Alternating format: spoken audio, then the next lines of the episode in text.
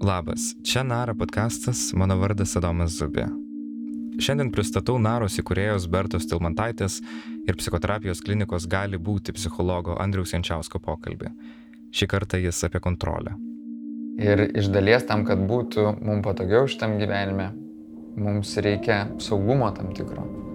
Dėl saugumo mums reikia kontrolės, bet kontroliuodami mes prarandame tam tikrą nuotykį. Galima sakyti, įsinobodinam šiek tiek.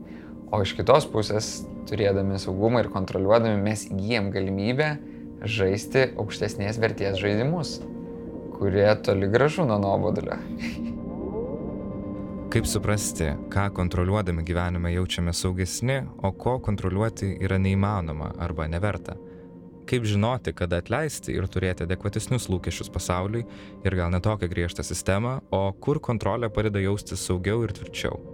Atsimti savo autorystę už gyvenimą. Vat čia, man atrodo, yra didžiausia įmanoma kontrolė, tai vat turėti tokį kontrolinį akcijų paketą, 51 procentą šitame gyvenime, renkantis iš tų duotybių, vat, iš tų kortų, kurias man padalino, ką toliau aš darysiu.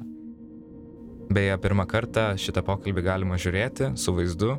Vaizdo įrašą rasite mūsų puslapyje nara.lt, o jeigu vis dėlto norite klausyti, Likite čia ir leiskime į pokalbį.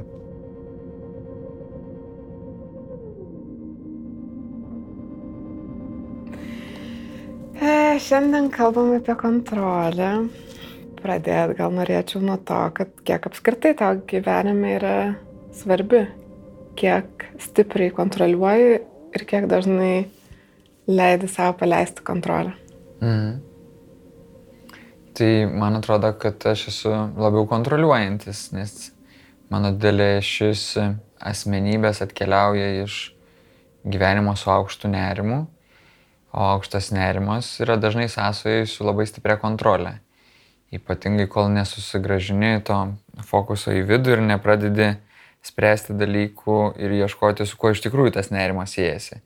Kol nerimas veikia kaip neįsisamoninta duotybė Ir jeigu tai yra intensyvi vidinė duotybė, o fokusas yra nukreiptas į išorę, tai dažnai kyla stiprus noras kontroliuoti dalykus esančius išorėje. Tai aš ilgą laiką ir gyvenau, stengdamas susikurti gyvenimą, kad turėčiau kuo daugiau kontrolės ties išoriniam aplinkybėm.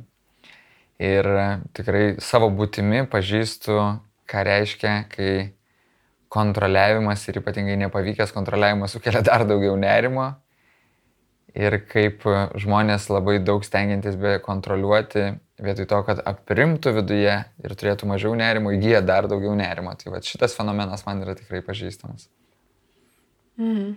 Aš netgi atsimenu, pirmą savo terapiją nuėjau, paskaudžių skirybų ir sako, natūraliai terapeutas, tai koks tavo užsakymas? Ir aš sakau, norėčiau geriau kontroliuoti jausmus norėčiau, kad va tas jausmas, kurio gyvenu dabar, niekada daugiau pas mane neteitų.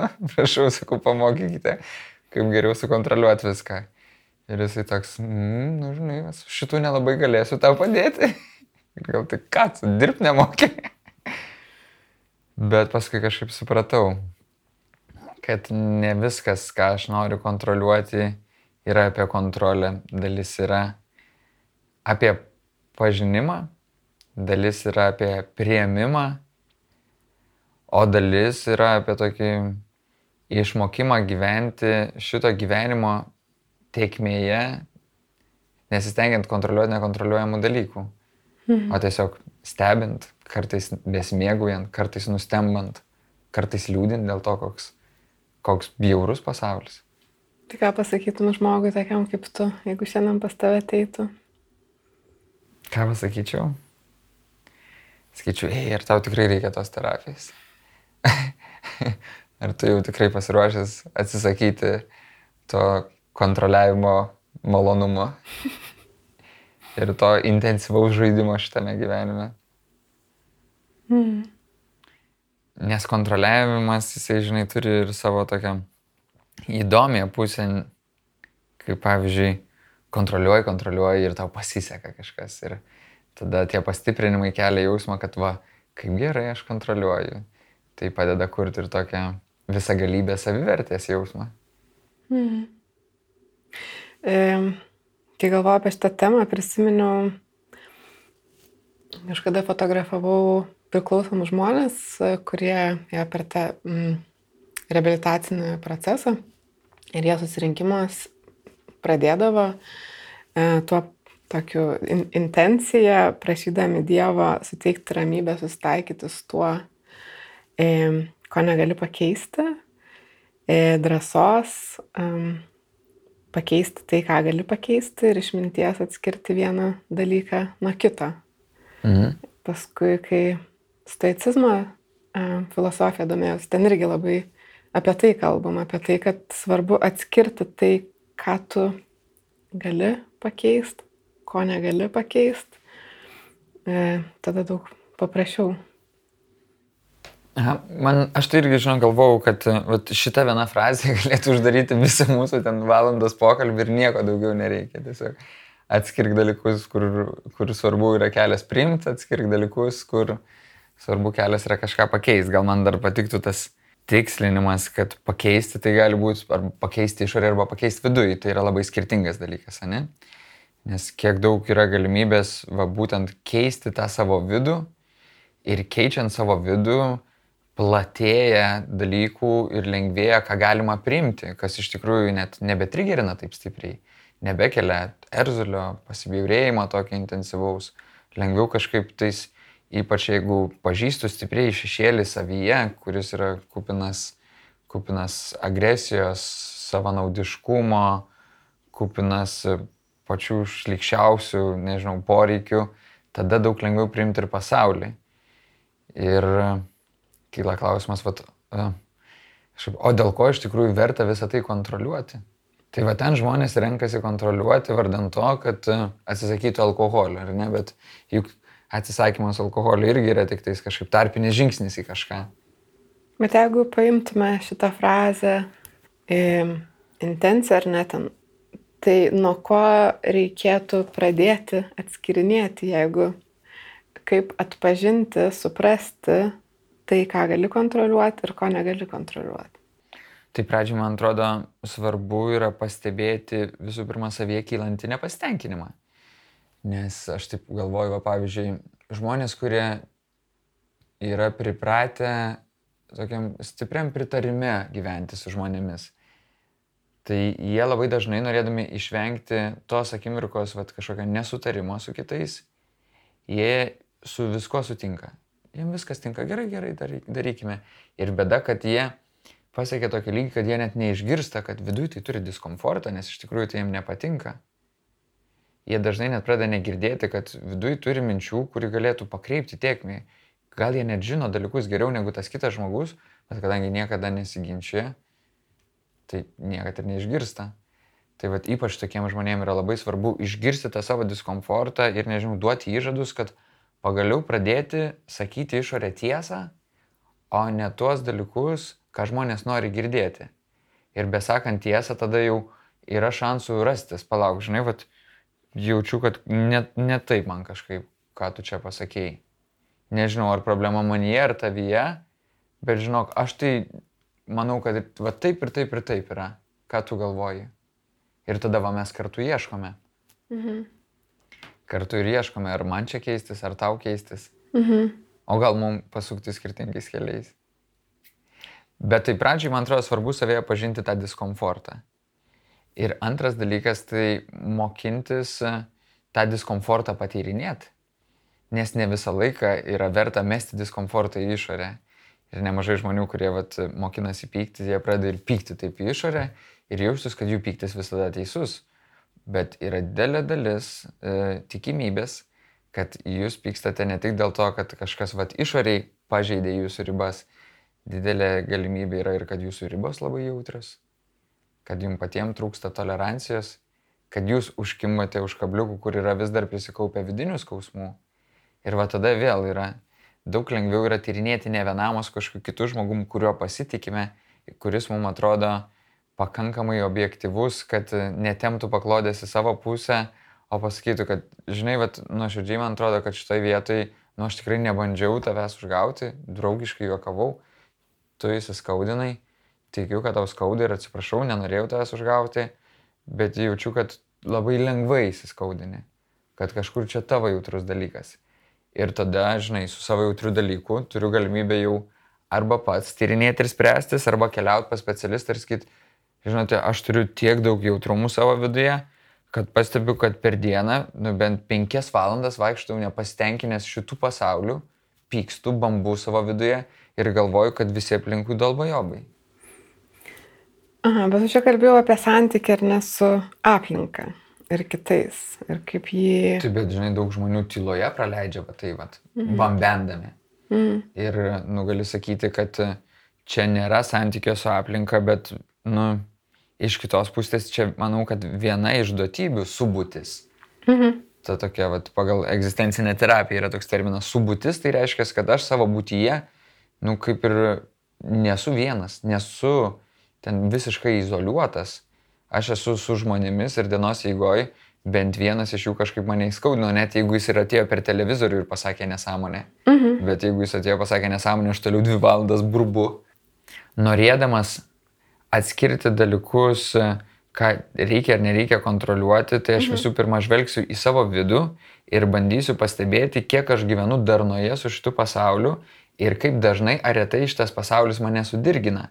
Ir jeigu labai stipriai sudirgina, tada bandysiu suprasti, kiek tai yra problema manyje, kad aš esu labai dirglus žmogus ir man reikia kažką tai su tuo daryti, ar vis dėlto gyvenu labai dirglioje aplinkoje, pavyzdžiui, ten, nežinau, namuose su labai dirgliais tėvais ir jie nuolatos mane pogina ir aš dėl to galvosiu tada gerai. Reiškia, man reikia surasti kuo greičiau galimybę išsikraustyti iš tų namų, atsiskirti pačiam ir tada garantuotai dirbti su savo dirglumu, nes iš tos aplinkos išsinešiau tą dirglumą ir viduje. Mhm.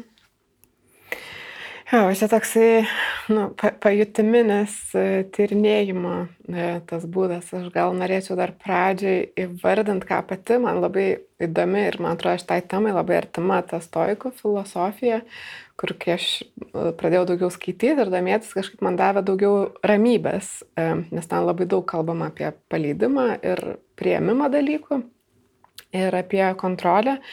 Ir vienas iš tų stoicizmo autorių, Epiktetas, įvardino tris dalykus, e, kuriuos, pasak jo, mes galim visiškai kontroliuoti. Tai yra mintis, bet ta prasme, kad tas judgment, ne tik thought, bet ir judgment, tai reiškia, kad reakcija kažkokia mhm. ar ne į kažką, impulsas ir noras um, kažką gauti arba kažko išvengti. Tas toks troškimas ar noras, uh, lūkesčiai galbūt uh, dar būtų galima įvardinti. Tokie trys dalykai, kuriuos mes tarsi galim kontroliuoti. Ir dar jie labai daug kalba apie tai, kad e, kontroliuoti iš esmės gali tik esamą į momentą. Mhm. Kad jeigu per daug galvoji apie ateitį arba apie praeitį, tam prasideda noras daugiau sukontroliuoti, bet jeigu esi kiek įmanoma šitame momente, tai kaip ir aišku, ar ne, ką gali kontroliuoti, o ką ne. Aš galiu kontroliuoti savo mintis klausydama tavęs ir kaip aš į tai reaguoju savo atsaką į jas, ar jos mane kažkaip prakalbins, ar skaudins, ką tu sakei.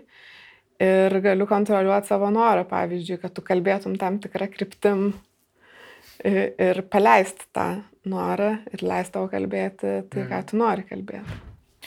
Nu, aš nekartą esu kalbėjęs su žmonėmis ir, ir tikrai ir pats esu dirbęs su vat, stipriais savo impulsais, kurie yra nukreipti į į stiprų atpildo mechanizmą va tą akimirką, kad tai yra trumpalaikiai malonumai, bet e, beprasmybė ar net kenkėjiška ilgalaikė pasiekme. Ir kad e, nu, natūraliai impulsas tai viduje kyla, mintis sukasi, fantazijos įvairiausios šaudo. Ir kol kas, nu, vat, nuo ko įmanoma susivaldyti, tai pradžiai pradedu suvaldyti nuo veiksmo. Nedarau to nukreipiu fokusą į kitą pusę. Išbūnu 10 sekundžių, uf, aprimsta. Emuosi kažką kitą daryti ir tas dalykas nukeliauja į šoną. Ir man atrodo, pradžiai mažėja mano veiksmų, tada po truputį mažėja mano minčių, jeigu jau tikrai pasirinkau, kad vat, nenoriu apie tai galvoti. Tada mažėja impulsų, o galiausiai po truputėlį nuo tų dalykų ir sapnai išsivalo. Bet nu, tas kontroliavimas tai toksai ilgalaikis procesas. Tai bendrai paėmus, tai aš sutinku, kad, kad apskritai išmokti kontroliuoti dalykus yra labai sudėtinga. Ir yra didelė nekontroliuojama erdvė, nu, yra duotybės, į kurias mes ateiname šitame gyvenime, ar ne? Kokioje šeimoje atsirasime, kokioje kultūroje gimsime. Tada yra klausimas, kiek pakeliui traumų mus ištiks gyvenime. Ir tik tais vat, savo ankstyvoj saugystėje, apie 20 metų, mes pagaliau tokie turim šansų taip labiau susivokti ir sakyti, palauk, tai kas aš? Ar aš tikrai gyvenu savo tikslus? Aš tikiu, kad dabar yra tikrai šviesių jaunų žmonių, kurie daug anksčiau imasi tokių savo, atsimti savo autorystę už gyvenimą. Vat čia, man atrodo, yra didžiausia įmanoma kontrolė, tai vat, turėti tokį kontrolinį akcijų paketą 51 procentą šitame gyvenime, renkantis iš tų duotybių, vat, iš tų kortų, kurias man padalino, ką toliau aš darysiu. Tai yra va, pasirinkti savo tikslus, pasirinkti savo strategijas tam tikras, kaip aš to sieksiu ir tuo pačiu pasirinkti, kokius įgūdžius aš formuosiu.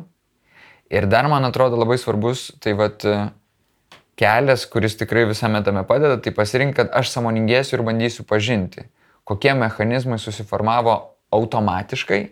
Ir iš to, kad pažinsiu, kad automatiškai vat, mano reakcija į tą stimulą būtų tokia, Ir jeigu aš pažinau tą automatiką, jau jinai nebe tokia galinga, nes galingiausia automatika ta, kurios aš nepažįstu.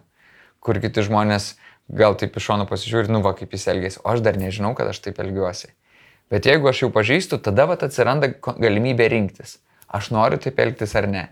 Nes kol pas mane yra aiškus algoritmas surašytas, nu aš neturiu jokios kontrolės.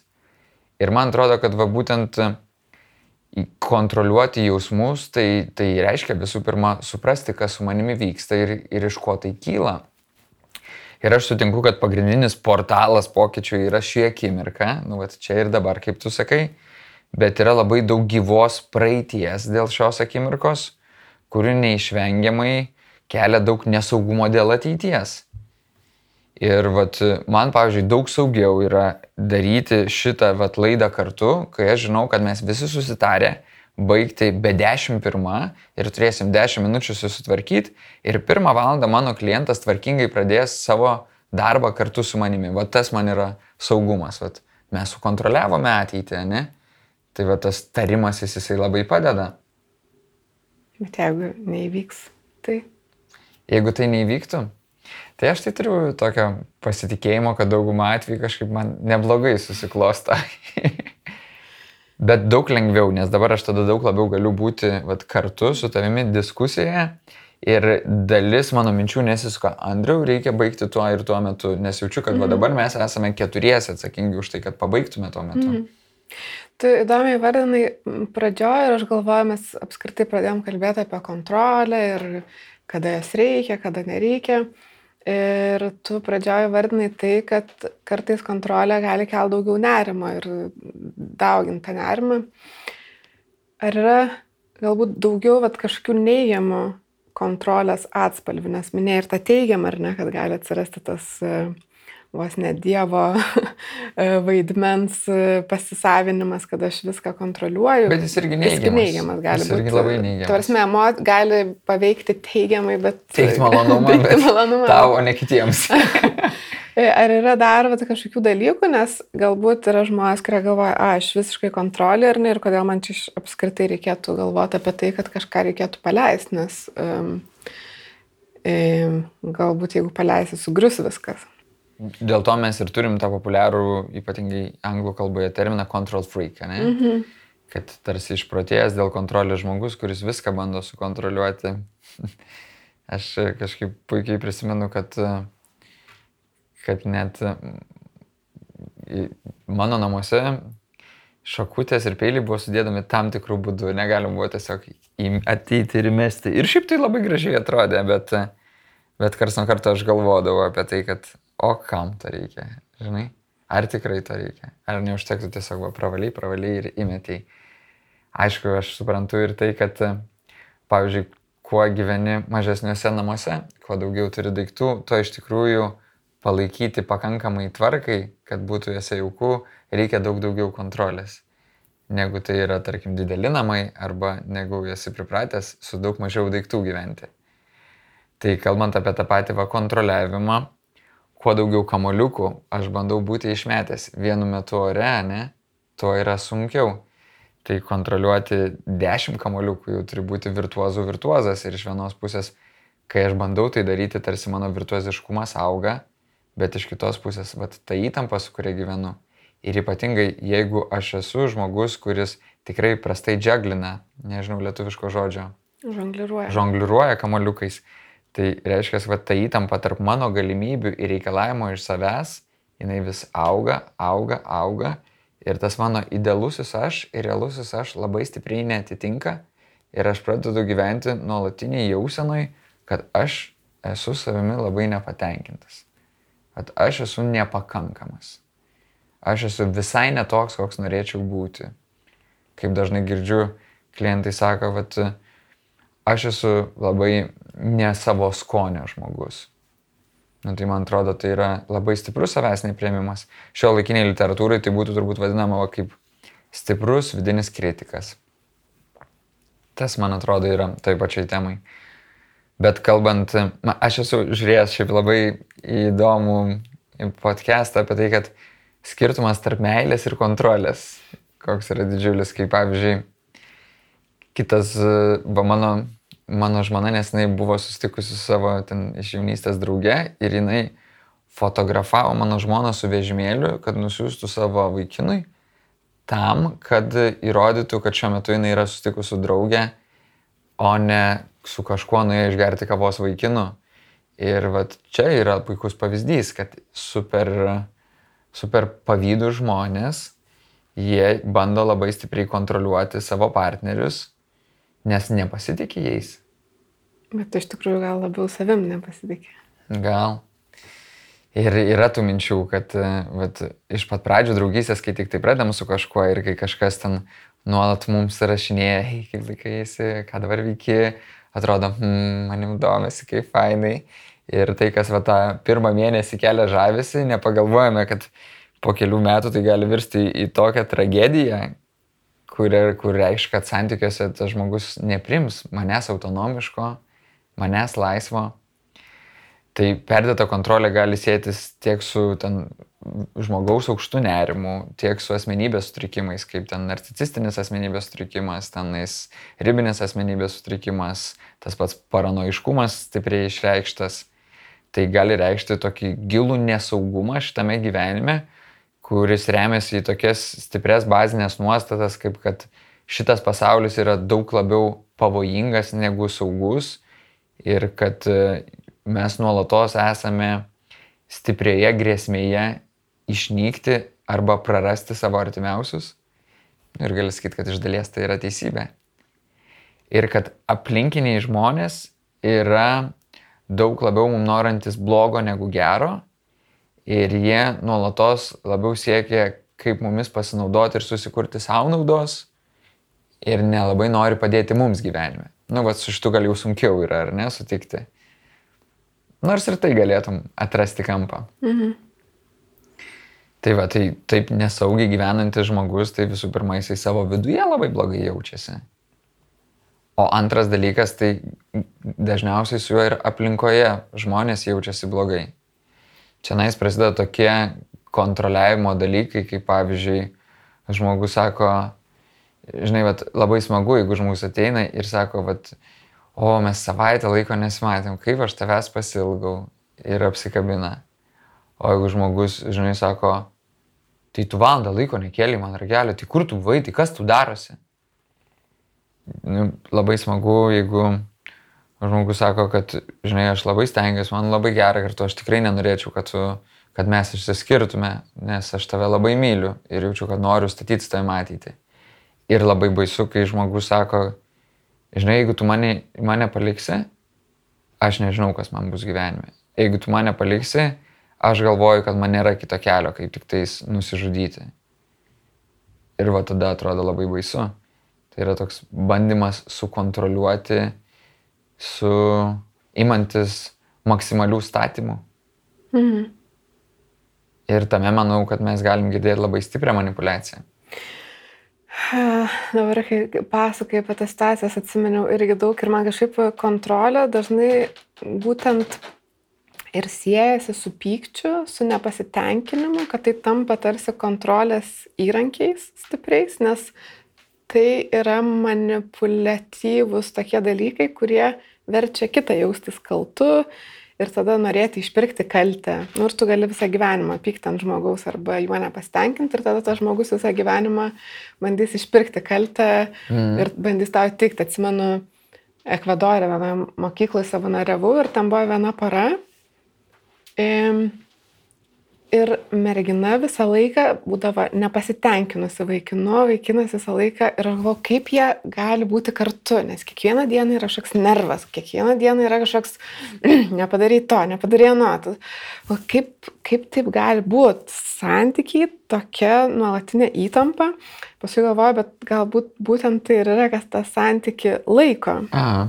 Kad vienas paima vieną vaidmenį, kitas kitą, nu ir tada visą gyvenimą tu taip ir judi, jeigu staiga vienas pasitenkins viskuo, o kitas nebeturės dėl ko stengtis, tarsi Bet Nebe, man, kas, tas, kas bus toliau. Laiko, kaip pasakyti, tai man labiausiai, žinok, asociacija yra būtent apie tai, kad nei vienas iš jų nėra pasiruošęs paleisti santykio, kuris daug šansų, kad gan destruktyviai veikia jų gyvenime iš dalies galima sakyti apie paleisti santykių, iš dalies galėtume sakyti apie tai, kad paleisti tam tikrą savo elgseną. Mhm. Vat kalbėtis apie tai, kokia elgsena iš tikrųjų nepadeda mums. Mhm. Ir gali būti, kad vat dingus tą elgseną, kur vienas nuolatos kelia reikalavimus, nuolatos kaltina ir pyksta ir tai jau pasidaro toks abusive, ne? Vėl nežinau kaip lietuviškai pasakyti.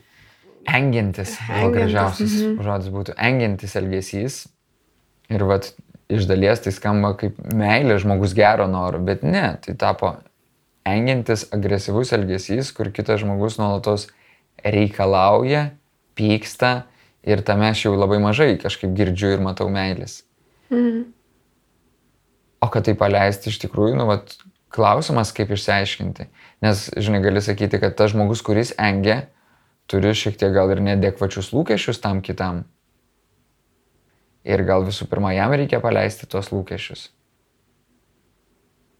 O jeigu tas kitas žmogus iš tikrųjų va, tiesiog yra žmogus, kuris pats iš savęs pripratęs su emocijom tvarkytis taip, kad vis kelia konfliktą, ateina ir būna labai agresyvus, piktas ir tada, oi, oi, atsiprašau. Bet vat Anas taip ir lieka įskaudinas ir sako, kad tu esi blogasis partneris mūsų namuose. Mm. Tai irgi, vat, nu, atrodo, lyg yra žinai, tai jeigu anas partneris yra blogasis, tai o kodėl tu neturi jėgų tada išeiti iš šito santykio?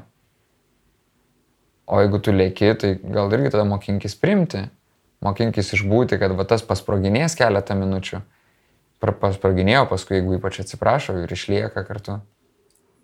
Hmm, tas vat, kontrolės ir vat, to tokio manipuli...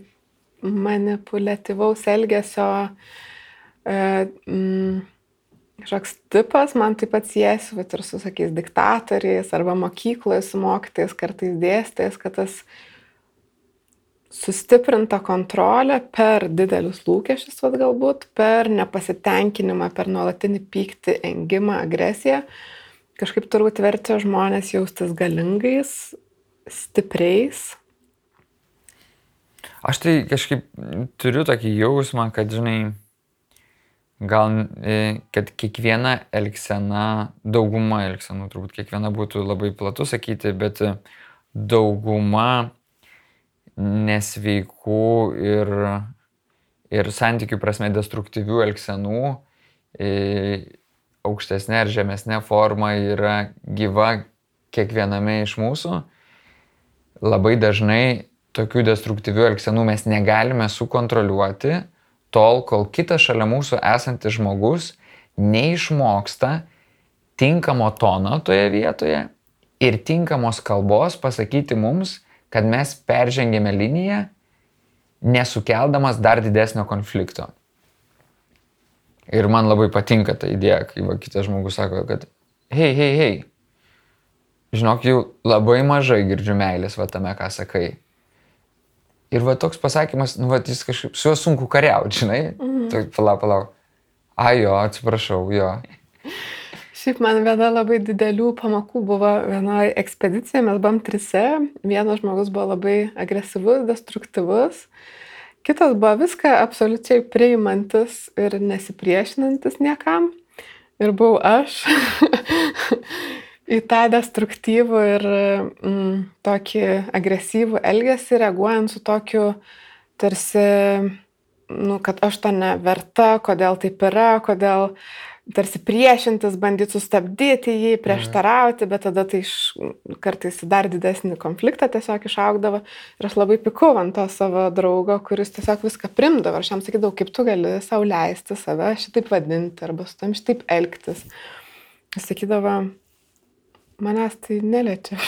Manęs tai neužgauna. Ne? Manęs tai neužgauna, čia net ne apie mane, čia yra va to žmogaus problema, ne mano ir aš, aš taip pikau, aš taip negalėjau suprast man atrodo, kad tas žmogus už save nepastovi, nepastovi už mane, kad man skauda ir le, kad leidžia tam vykti, kol kažkada irgi pati supratau, kad šiaip tai manęs neliečia visas toks bet koks elgesys kitų žmonių ir kad aš galiu sakyti, tai.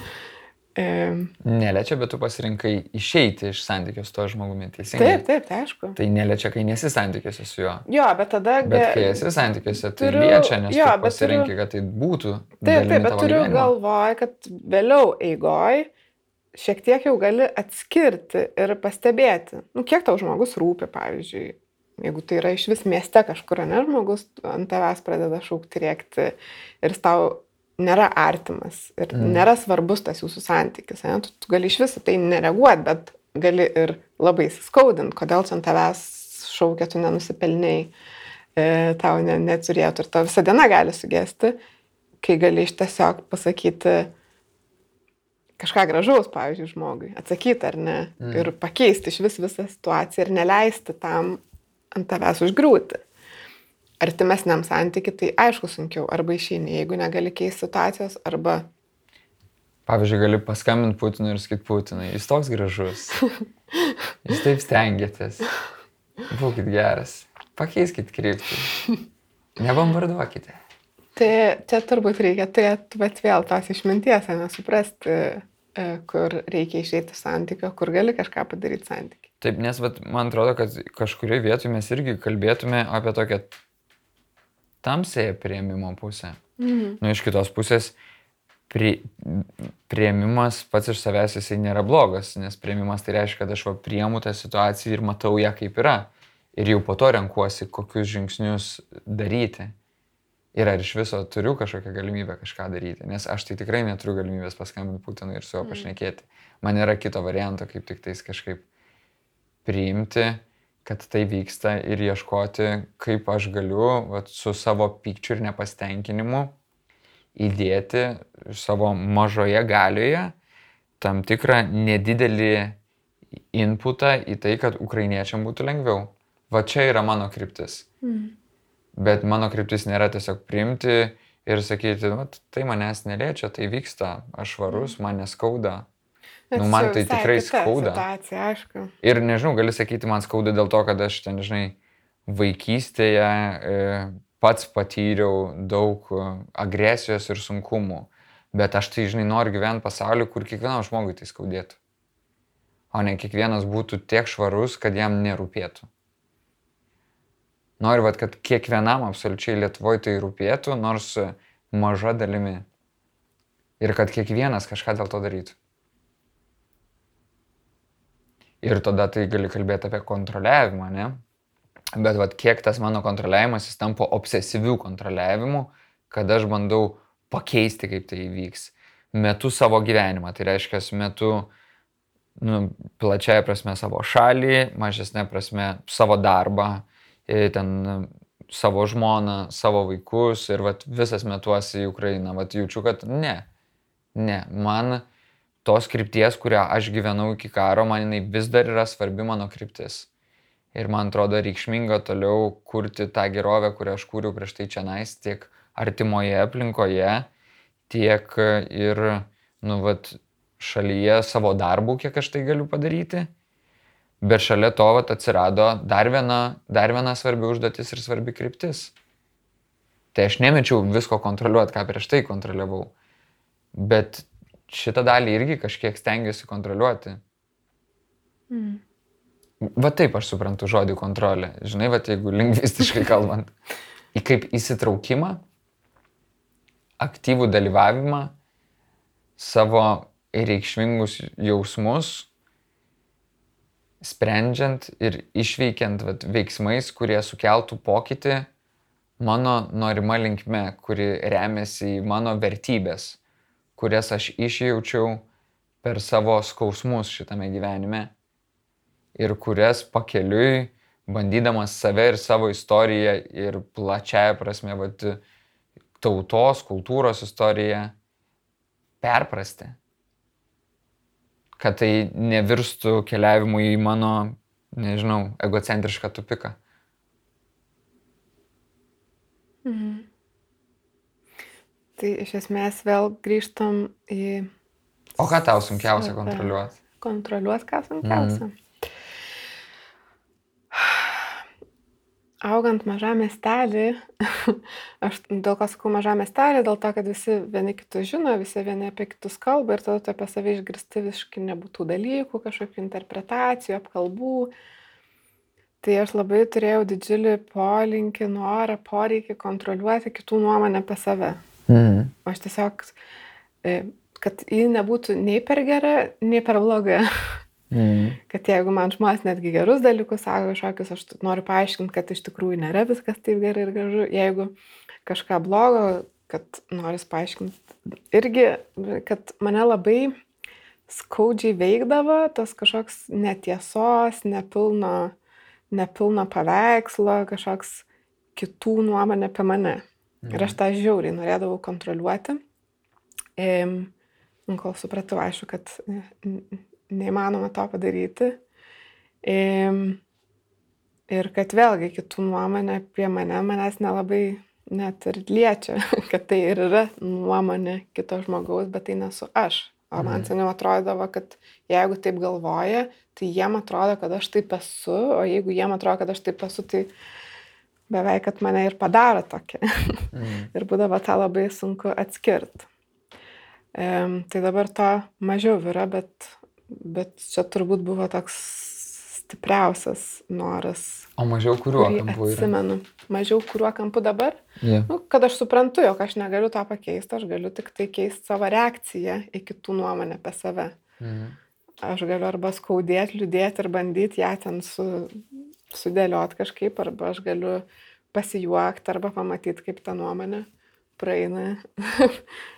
ir Taip, bet turbūt kažkuria prasme net ir mažesnis, mažesnė svarba yra, ką kiti apie mane galvoja, ar ne? Taip. Svarbiau, ką tu apie save galvoji, va čia gal pasakyti, arba svarbiau, kad tavo artimiausi žmonės apie tave galvoja. Mhm, jo.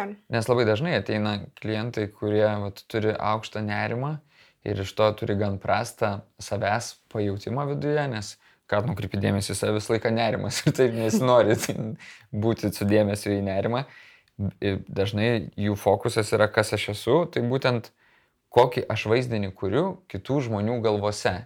Ir tada būtent tas, ta obsesija, kad o kaip kitų galvose aš atrodau, kaip kitų galvose aš atrodau. Ir tu labai gražiai pasakėjai, kad va, šitoje vietoje ir susiformuoja pragaras, nes aš negaliu kontroliuoti, kaip aš atrodau kitų galvose, nes kiti žmonės visų pirma patys turi akinius, per kuriuos kažkaip tai skreivai pamato ir tam tikrose akimirkose pamato ir tam tikrą pusę pamato ir turi tam tikrų norų, kaip netgi mūsų nepamatyti.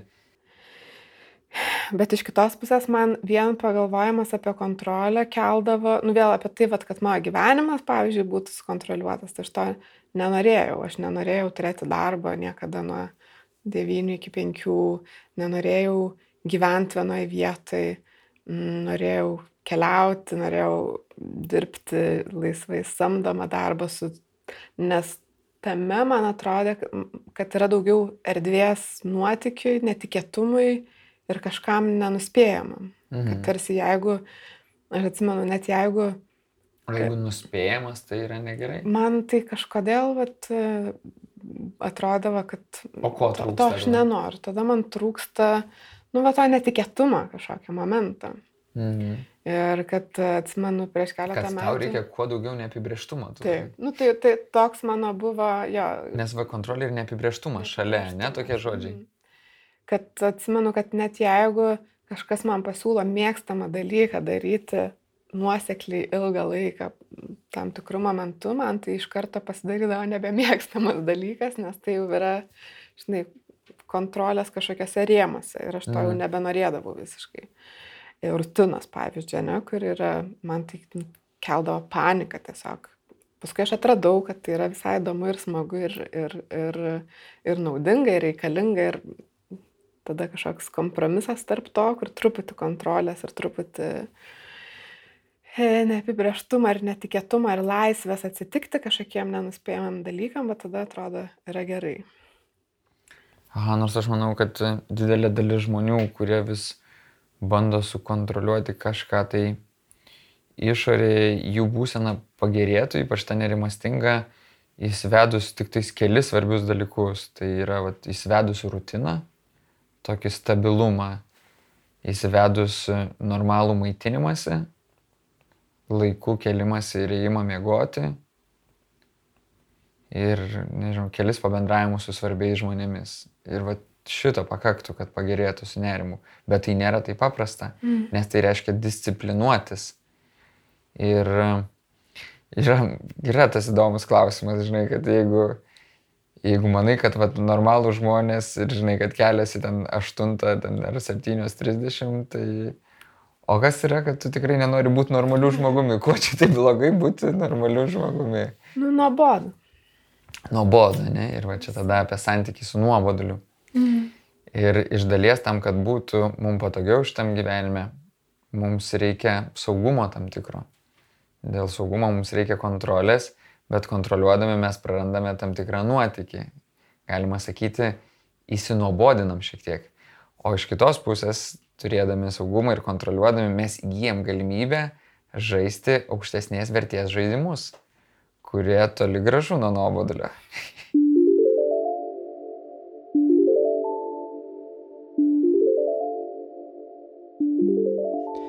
Čia trumpam sustokim, nes noriu padėkoti mūsų rėmėjams Contribui ir Steady platformose. Išėję iš Patreono dalį rėmėjų praradome, todėl artimiausiuose epizoduose pasistengsime išvardinti visus, kurie liko. Tai Dovilė Vaičiulytė, Gediminas Rapalavičius, Inga Jarmoškaitė, Lina Mačiulė, Vilma G, Gintarė Bukauskas, Vaiva Mažulytė, Justė, Vaidas Laužetskas, Lina Baltrukoninė, Justina, Šarūnas Gavienas, Raminta Cikanauskė, Milda, Ilma Nausėdaitė. Jeigu norite prisidėti prie mūsų kūrimo turinio, tą galite padaryti adresu contribui.com/nara arba susiradę mūsų paskirtą puslapyje steadyhq.com. Ačiū.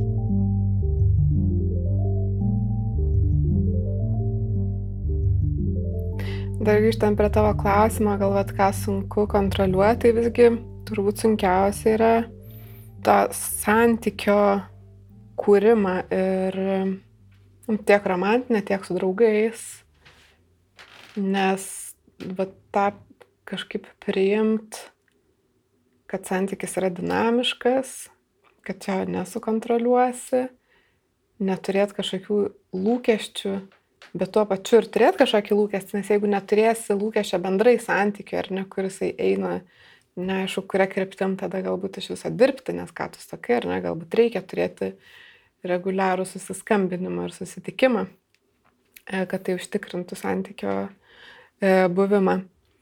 Ir kas mane galbūt gazina santykyje ir vat, ką kartais nori susikontroliuoti, tai irgi tą požiūrį viens į kitą. Nes tai, kaip aš reaguosiu į tavo kažkokį dalyką, į tavo kažkokią pastabą yra nulemta mano praeities ir gali būti nedekvatu. Tai reiškia, kad aš turiu mokytis reaguoti labiau į tai esamuoju momentu, be to kažkokią savo backgroundą ir foną.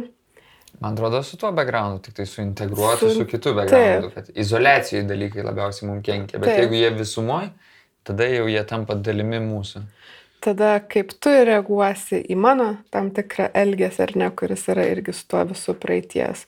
Jisai tavį gali trigerinti tam tikrus dalykus arba tu jų gali nesuprasti. Tai reiškia, kad mes turim išmokti viens apie kitą daug dalykų, kas mus, mum, mumyse vienam, vienas kitame vat, užkabina kažkur kažką, arba ko mums reikia santykyje, kas tau svarbu, kad tu jaustumėsi saugiu ar ne, arba kas man svarbu, kad aš jausčiausi, jog mm, viskas gerai.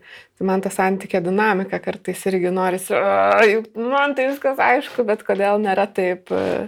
Ir tada supranti, kad nu, santykiai yra vis tiek mažiausiai du žmonės, o dažniau daugiau, nes tai yra tavyje yra tavo santykis su kitais žmonėms suma, tai reiškia, kad ir tavo santykis su kitais turi įtaką mūsų santykiui ir tada mes visi tokiam tinkle mm. e, turim mokytis jame būti ir atrasti tą kontrolės ir paleidimo kontrolės balansą. Tai va čia toks labai įdomus e, žaidimas. Mhm, nes e, atrodo, kad e, visi pažįstame tą formulę, kad laimė yra lygų ten realybė minus lūkesčiai. Ne? Tai aukšti lūkesčiai reiškia, kad, kad mažai laimės iš tos realybės, kurioje esame. Tai kad labai svarbi dalis yra pasireguliuoti savo lūkesčius kad mūsų, man iš tikrųjų aš tai ilgą laiką ir mačiau, ir mastau, ir vis dar mokinuosi apie tai, į tą klausimą, kurį aš ir uždaviau savo terapeutui pirmajam, kaip kontroliuoti savo jausmus. Ir nu, kažkuria prasme atsakymas ir yra, tai, tai sugebėti, menedžiant, kaip čia pasakyti, valdyti savo lūkesčius, valdyti savo įsitikinimus ir valdyti savo patinka, nepatinka šitie dalykai labai daug susijęs su to, kaip mes emociškai jaučiamės.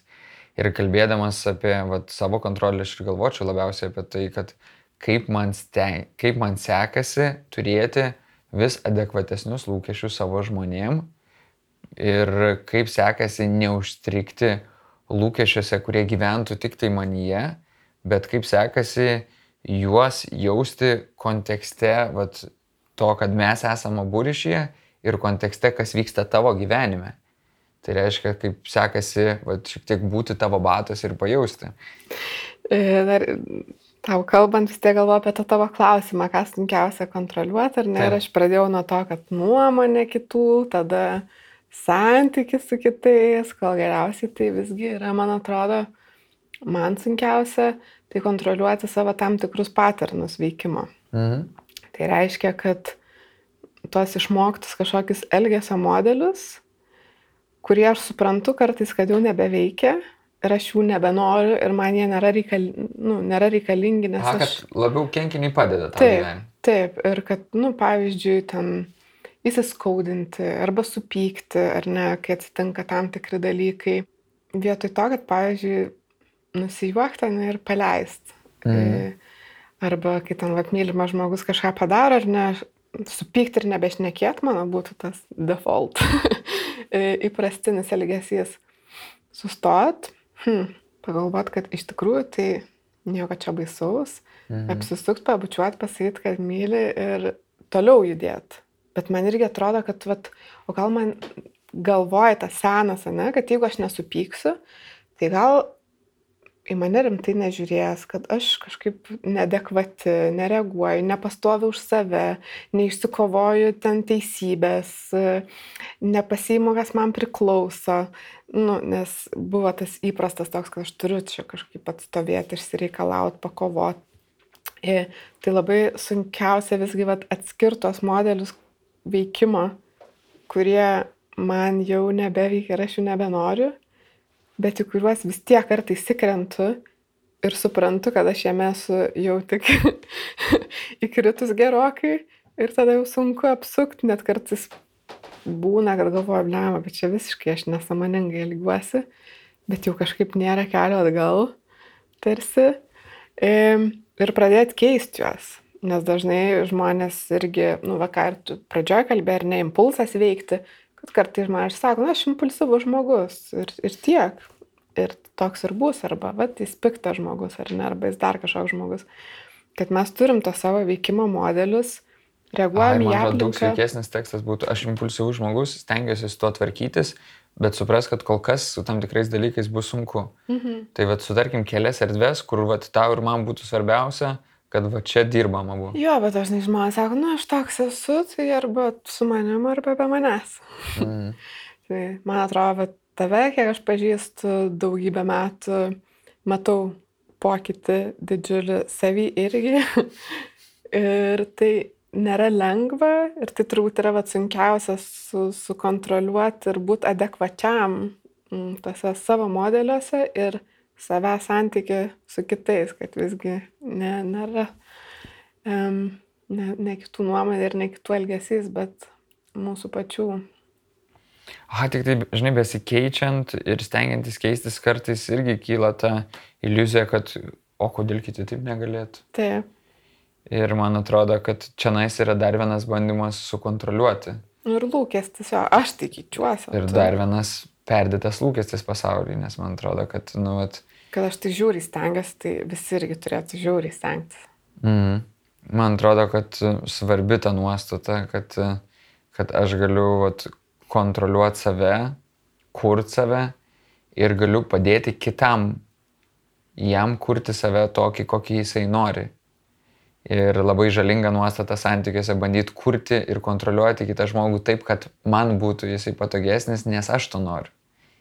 Net jeigu tai yra ir noras kažką, kad jisai geresnis taptų, bet jeigu tai yra mano noras tau keistis į tavo pusę, tame jau trūksta va būtent to, kad ir tu to norėtum, tos sutartos intencijos.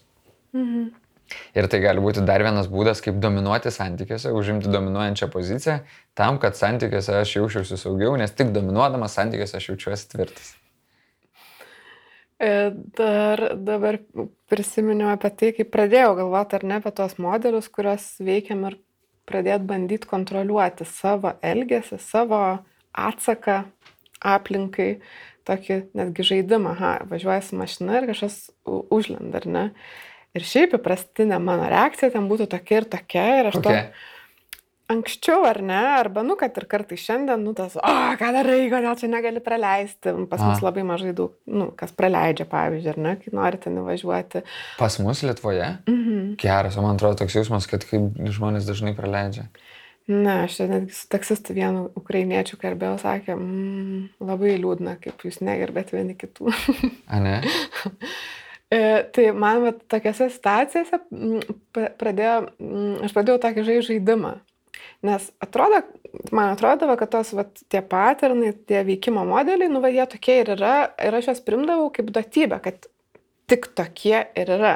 Mhm. Kad yra va šitaip. Bet aš kažkaip pradėjau žaisti, kad, palauk, o gal nėra tik tokie, o gal yra daugiau galimų variantų. Ir tada kiekvienoje situacijoje pradėdavau ieškoti, kokie yra kiti galimi variantai. Galbūt nereaguoti visai, galbūt palinkėti jam, nežinau, ramybės, žinai, galvoj. Galbūt um, nusišypsoti tiesiog ir mm, pagalvoti, kad mm, gal jis skuba, gal, nežinau, žmona gimda. Mm. E, ar dar kažkas, paieškoti kažkokią pateisinimą. Ir tada pasirodo, kad yra daug pasirinkimų kaip tu gali reaguoti kiekvienoje situacijoje. Ir Pavyzdžiui, kad... aplenkti ir kalt ant stabdžių. Jo, irgi gali. Arba ten sustabdyti. Išlipti, bėgti, daryti durelės ir šaukti. Taip, taip. Ir kad lygiai taip pat tu gali rinktis reakciją, kai tau taip daro. Mm. Jeigu tau padaro, tu gali pirštą pakelti ar ne, arba sakyti atsiprašau, mm. gali palinkėti gražios dienos, paklausti, kas skauda.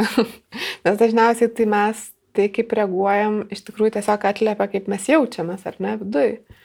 Kad net ne ta situacija tas emocijas iššaukia, pykti pavyzdžiui, bet ta situacija tik sujudina tą pyktį, kuris jau ten yra mhm. ir jį ištraukia.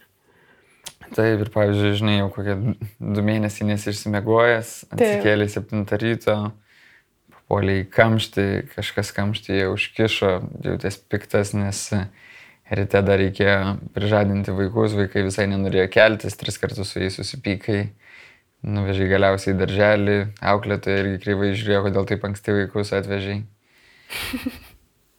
tai taip, gyvenimas yra sudėtingas ir dažnai bandome iš jo išspausti daugiau negu įmanoma. Mhm. Ir vad klausimas, kur atleisti, ne, ir mažiau kontroliuoti, kur turėti adekvatesnius lūkesčius ir gal netokią griežtą sistemą, o kur yra erdvės, kur kontrolė mums padėtų jausti saugiau ir tvirčiau. Tai turbūt klausimas nėra ar kontroliuoti, ar, ar paleisti ir priimti, ne klausimas būtent kaip tai atskirti. Ir jis yra pats sudėtingiausias ir jis, jis yra labai individualus ir čia kiekvieno, kiekvieno žmogaus reikalaujantis atlikti savo asmeninį inventorizaciją. Mm, tas kontrolės paleidimas asocijuojasi truputį su pažeidžiamumu, kad tu tampi toks atviresnis, nuogesnis, kad gali atsitikti bet kas. Taip, aš irgi galvau, kad vat, šitai laidai ruoždamėsi mes irgi šiek tiek kalbame ir apie tai, kad pagrindiniai copingo mechanizmai, kaip tvarkomės su stresu yra, tenais avoid, vengti, ne, hipercompensate, bandyti hiperkompensuoti ir kažką daryti, arba surrender pasiduoti. Ir priimti tarsi reiškia taip surrender. Mhm. Ir aš jaučiu, kad nu, vat, man tai pagrindinės prieimimo pamokos ir buvo, kai susi, susitinki su vat, galingesnė už save banga. Vat, lyga kažkokia tai ateina, artimojo lyga ateina ir atrodo bandyk hiperkompensuoti kiek įmanoma, viskas tai nebeveikia. Ir jeigu tai yra įprastas mechanizmas, reikia mokintis kito. Reikia mokintis, aišku, galima visą laiką bandyti vengti ir sakyti, ne, visą tai nevyksta, bet e, ilgainiui kažkaip neišeina savęs apgaudinėti. Tai va tas surrender, priimti, išbūti tą skausmą. Tai man irgi atrodo, kažkuria prasme išmokti kontroliuoti, tai reiškia visą gyvenimą ugdyti savo kantrumą, pakantumą skausmui, būti santykėje su skausmu ir tada tas vat, prieimimas, jisai tampa toks savas ir įprastas. Nes priimdamas, skaudėdamas, būdamas toje pažeidžiamumo stiprioje akimirkoje, aš jaučiu, kad aš nesulūštų. Ir va tas prideda tikėjimo. Mhm. Aišku, sunku pasakyti, žinai, kokiu gyvenime dar bus tų situacijų. Ir tikrai labai baisių jų būna. Ir aš suprantu, kad žmonių psichika net laiko ir jie sulūšta. Bet lygiai taip pat ligonėje esu matęs, kad kaip savo gyvenimą proaktyviai kūrintys žmonės, kurie, kurie statosi, siekia savo tikslų, papuola į didžiulės, didžiulės nelaimės, jie iškrenta iš gyvenimo ir tas gyvenimas jam būna labai sunkus, nu, vat, pusmečiui, metams. Bet paskui dažniausiai jie susitvarko ir grįžta atgal. Aišku, jeigu mes kalbėtume apie prasidėjusią labai stiprią lygą, kuri apskritai keičia mūsų buvimo būdą, kaip ten šizo spektro lygos, grįžti tą patį gyvenimą neįmanoma, jau mes grįžtam į gyvenimą naują, kurį mokinamės. Bet ir tais atvejais esu matęs žmonių, kurie turėdami šizo sunkumus, bet turėdami būtent tą nusiteikimą, kad aš vis tiek kažkaip tvarkysiuosi, kažką darysiu, kažkaip dylinsiu tą simptomatiką, kuri atsiras, jie vis tiek grįžta ir sugeba ir su tuo gyventi. Ir kai kurie iš tų žmonių man yra pavyzdys, kokį sunkų kelią gyvenant įmanoma nepasiduoti, bet vis tiek ieškoti būdų, ką aš galiu padaryti šiandien čia ir dabar geriau, vat, būtent su tomis pačiomis blogomis kortomis. Mhm. Čia ir apie ne tik psichinės lygas, bet ir apie, tarkim, atsiradusią fizinę negalę arba diagnozuotą kažkokią sunkę lygą, turbūt irgi yra toks labai didžiulis tada klausimas, kiek tu gali sukontroliuoti ir kas yra tavo galiai daryti, kad prisitaikytum prie esamos situacijos, o kiek turi irgi susitaikyti su tuo, kas yra ir tame išbūti. Mm. Jeigu visgi pabandyti taip truputį įvardinti, ar ne, kad jeigu yra vat, žmogus, kuris norėtų šiek tiek atsisakyti kontrolę savo gyvenimą, paleisti, nuo ko pradėti ir ką daryti? Pradžiai pradėti klausyti kitų, man atrodo. Hmm. Nes jaučiu, kad nu, vat, ta didelė kontrolė, jinai taip užpildo va, tą stiklinę vidinę, kad jie nebelieka vietos suteikti erdvės kitam ir priimti kitą. suteikti erdvės vat, šitam pasauliui ir atsitiktinumui nuotikiui, kuriuos jisai gali atnešti. Nes ir visa ta pilnai suvaldyta rizika, tai ką reiškia, kad sėdžiu bunkerį, maistą atveža barborą, padeda prie durų. ir tai dar visą jį patikrinu, ar nėra jokių blogumų. Ir stengiuosi neturėti jokių artimų ryšių, kad niekas manęs neįskaudintų. Ir nežinau, turiu gerą internetą, kad prisiųšiu visus įmanomus filmus ir pasirenkuosi, kokį turinį vartoju. Hmm. E, porą klausytojų atsintė klausimus ir jie gana panašus. Aš abu perskaitysiu iš karto. Čia dar tęsant tą pačią temą, ar ne? Rūtos klausimas yra, kaip nuraminti ir įtikinti save, kad gyvenimą nereikia stiguoti, o mokytis iš jo ir leisti dalykams įvykti. Kartais bandydama užgošti ar į stalčių sudėti mintis, jas dar labiau užspaudžia, vėliau jas peraugai nerimą. Ir kitas Linos klausimas. E, Lina sako, kad kontroliuoti poreikis didelis, o paleisti be galo baisu. Kažkada girdėjau tokią asociaciją. Pasileidai nuo pažįstamo tiltelio, aplink tik vanduo ir neaišku, kur vėl bus galima prisišvartuoti. Tai baugu, nors ir plaukti moku ir suprantu, kad yra krantų aplinkui.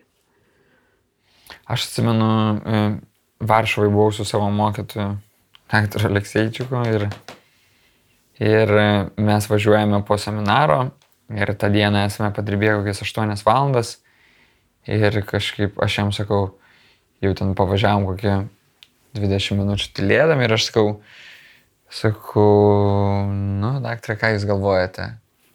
Ir jis sako, Andriu, aš 8 valandas kryptingai galvojau šiandien. Nu, negi tu galvoji, kad aš ir dabar stengiuosi kažką kryptingai galvoti. Nu, ne, aš leidžiu mintim paklajoti kažkur, tai jos laksto, net nežinau, žinau, apie ką jos. Ir man buvo toks, wow. wow, nes aš galvojau, kad var šalia manęs yra žmogus, kuris taip maks bando viską kontroliuoti, o pasirodo, kad ne. Tai man atrodo, kad aišku yra baugu paleisti Bet o ką reiškia paleisti? Paleisti mintis, kad ar tavo didžiausia kontrolė yra tavo mintis. Nežinau, yra idėjų, kad jos prasisuka šiam tūkstančiu per dieną galvoje, iš jų tikrai naudingų gal tūkstantis. Begalė minčių yra tiesiog fonas, triukšmas. Paleisti savo veiksmus, nu, norėčiau, kad nepaleistum, norėčiau, kad jeigu šiuo metu tave prispirsi tualetą, kad į tualetą eitum. Jeigu stipriai užpyks ant manęs, norėčiau, kad netrenktum. Jeigu dar stipriau išeis, norėčiau, ta, dar stipriau užpyks, norėčiau, kad neišeitum iš šiandien ir nepaliktum mūsų vidury. Ir norėčiau, kad, nežinau, nedingtum pusį metų. Paleisti savo jausmus. Tai, žinai, bet ir apie jausmus, kaip kalbėjom, kalbėjom, kad vat, yra tie du skirtingi kraštutinumai. Man patinka ta analogija, kaip ten Nors, žinai, kažkaip baisiai iš tikrųjų yra, tai reikės ateityje jos nebesakyti, bet apie tarnus, kad tarsi turi tarnų namuose, kaip savo, kaip savo jausmus ir jeigu palieki juos visiškai laisviai, tai jie pradeda nebeklausyti, nebesilaikyti tvarkos ir tave, tipo, išpjauna, tikrai bloga analogija. Bet jeigu juos visiškai išspaudai, jie sukelia pasipriešinimą, sukilimą ir tave sunaikina ir tu tampi nebereikalingas. Nu, tai gali sakyti, šio laikiniai vergoviai, tai kad esi įmonės savininkas ir taip nutinka. arba jie sukuria savo įmonę, arba kitu atveju tiesiog praspiria tave, nes tu tampi nebereikalingas. Tai mes kaip ir iš dalies mokinomės kontroliuoti savo jausmus, bet kontroliuoti tai nereiškia kaip būti visą laiką įsitempus, ne? Tai reiškia kartais atpalaiduoti ir vėl įsitempti. Atpalaiduoti ir įsitemti. Ir gal labiau stebėti, nes svarbu turbūt yra ir ne tik kokie yra jausmai, ir koks atsakas, bet ir tas tarsi istorijos, kurias mes apie jas pasakojam ir tų skirtingų naratyvų galbūt atradimas irgi galimų veikimo modelių, mm. paieškojimas ir pastebėjimas, paeksperimentavimas. O kas būtų, jeigu pasielgčiau šitaip arba um, padaryčiau kažką nesuplanuota. Tas pažeidžiamumo momentas, apie kurį mes nekėjom, tai dar man toks, čia buvo ta tiltelio ir upės analogija, man tai tas pažeidžiamumas ir kontrolės paleidimas truputį asocijuoja su šuoliu nuo olos kokios ten 10-15 metrų aukščio. Kaip baisu, bet paskui kaip gera. Tikrai. Mhm. O jeigu šokai nuo 15 metrų, nebuvai tam pasiruošęs, žinai, įsibėgėjai ir kūnas visas Nu, pakrypo, plojasi ir susilaužiai nugarą. Nu, Ar tikrai vis dar taip gera? Ne, ne, ne visai blogiausia, tai žinai, dar gali būti, kad paskendai. Mhm. Bet jeigu viskas pavyko. Man atrodo, kad lengviausia paleisti savo gyvenimą ir jausti, kad uf, paleidau, va, nekontroliuoju. Mano mokyklos direktorius kažkaip sakydavo, kad e, geriausias ekspromptas yra dvi savaitės ruoštas ekspromptas. ir kai iš tikrųjų žinai, kad e, vat, vis dirbi ant savo įpročių, kad jie pakankamai tarnautų tau, kad sveikai gyventum, kai pažįsti savo tikslus, link kurių keliauji, kai atsiduri nežinomybėje ir leidi savo pabūtoje nežinomybėje, bet ne tai, kad, ai dabar nežinomybė, žinai, viskas beprasmiška. Šitas pasaulis visas beprasmiškas, čia, čia tiesiog skylė. Nu, toks nihilizmas, jisai. Taip, čš, tam būtent tokiam, žinai, resentment, tokiam besipriešinimui šitą pasaulį labai greitai nihilizmas taip randasi. Ir man atrodo, kad net ir ten, vat, e, žinai, nežinomybėje svarbi lieka ta pati intencija. Kad, vat, aš nežinau, kas, kur dabar yra mano prasmės kelias. Aš negaliu sukontroliuoti, kad kuo greičiau tą prasme rašiau. Bet, žinai, gyvenime prašau, prašau padėk man kad prašau atsiųsk man ženklų, kelių, žmonių, kad jų dėka aš perprašiau, kur link yra mano prasmė ir mano kelias. Ir čia nais jau atsiranda tikėjimo, pasitikėjimo klausimai, į kuriuos daug labiau bando atsakyti religija negu psichologija. Bet vad dėl to daug žmonių ir sakytų, kad, žinai, kaip nekontroliuok, o atsiduok Dievui, Bet man turbūt labiausiai patinka tas būtent e, pasakymas, kad kiekvienas yra savo likimo kalvis, kur yra ta dalis kaip likimas, bet yra ir ta dalis, kad aš kaip kalvis, vat, paėmęs tą likimą, turiu galimybę apdoroti. Mhm. Ir man patinka ta pati idėja būtent e, lėktuvo, kad truputėlį pakeičiau tą nosytę ir jau nuskridau į visiškai kitą vietą, turėjau visiškai kitą kelionę. Paėmiau tą visą energiją, kuri manyje konkuliuoja kaip mano prigimtis ir kurią nerimas vis bando paversti į konfliktus. Ir su tuo kūro baku vat, sugebėjau apturėti visiškai kitokią kelionę. Vietoj to, kad vienoje vietoje sėdėčiau kaip su pamokėdė ir vis linguočiau. Mhm, tą pasitikėjimą Dievu, mano bičiulis vienas gražiai vardinęs pasitikėjimą aplinkybėm, jeigu esi gal mažiau tikintis, tai kartais irgi atrodo, kad tai gali tapti įrankių būdų nusimesti atsakomybę nuo savęs. Ir, Ir gali tapti didžiulė erdvė, kad iš tikrųjų kiti žmonės tavim pasinaudotų ir yra daug Taip. paauglių, kuriem trūksta idealų artimoje aplinkoje ir tada jie atsiranda labai žiauriose grupuotėse, kurios eina ir daro blogus dalykus. Nes šiaip iš esmės labai graži man įdėta pasitikėjimo aplinkybėmis, bet tarsi tu turi atsidurti irgi kažkokioje vietoje, turėti santykius tom aplinkybėm, o ne tiesiog būti pasivus veikėjas. Aha, atrodo, neužtenka atsidurti tinkamai vietoj, tinkamu metu, dar svarbu būti ir tinkamu žmogumi ir atsidurti tarp tinkamų žmonių. Mm. Ir tada vat, jau atsiranda daug nekontroliuojamumo. Bet vat, tas Sartre idėja, kad kiti yra pragaras, nu, vat, man jinai iš dalies ir nepatinka, nes man atrodo, kad, kad kiti gali būti ir rojus. Ir kad neapibrieštumas gyvenime jisai gali atnešti ne tik tokius blogus dalykus. Ir labai svarbu pažinoti tuos dalykus ir nenuneikti, kad suvokti, kad ir gyvenimas baigsis mirtimi, ir artimųjų neteksim, visos draugystės baigsis skirybom, tik tai klausimas, ar, ar skirybos įvyks, kol mes gyvi dar esame, ar, ar išsiskirsim, kai vienas iš mūsų numirs. neišvengiamai sirgsim ir stipriai sirgsim ir mūsų artimieji sirgs. Neišvengiamai kažkur nepasiseks su finansais, kažkur nepasiseks su projektais. Neišvengiamai turėsime labai stiprių kritikų, jeigu kažką kursime ir jie mus doros, ne? Bet tai vis dar ne priežastis kažkaip nuneikti visą tą šviesesnėje pusę šito gyvenimo. Ir man atrodo, pažinimas tiek vat, gyvenimo šešėlio, tiek savo asmeninio šešėlio, jis irgi padeda priimti šitą pasaulį, o ne nustepti. Ir susikurta saugumo iliuzija, kad vat, viskas pas mane gerai, viskas turi vykti gerai. Vat šita iliuzija labiausiai ir trukdo. Tos, nežinau, kai užaugam pasakų pasaulį ir galvom, kad viskas turėtų ir vykti pasakiškai, tai vaikui be abejo tai padeda, padeda konstruoti sudėtingą gyvenimą, kuriame jis gyvena į tokią paprastesnę versiją ir vaikai ir turi galimybę, ne, viską vis taip naujai patirti. Kai suaugęs žmogus jau jisai daug labiau supranta, kiek čia nais visko vyksta ir jeigu nenuneigia, tai iš dalies gali sakyti, kad jisai, nu, kaip truputį liūdnesnis.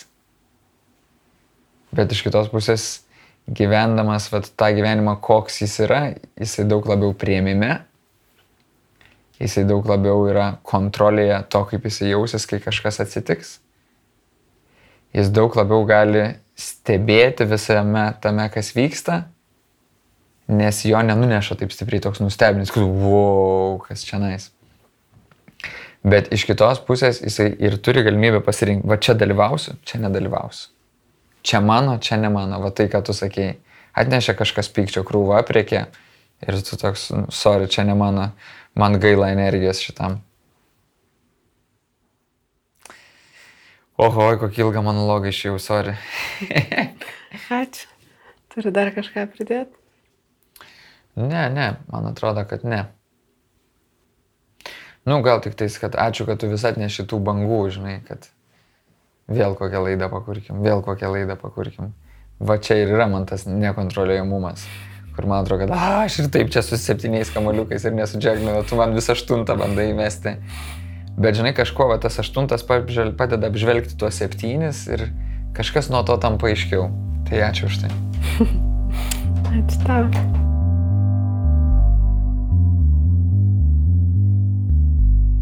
Toks mūsų epizodas šiandien. Daugiau psichologinių pokalbių rasite mūsų puslapyje nara.lt.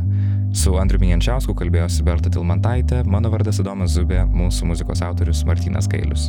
Iki.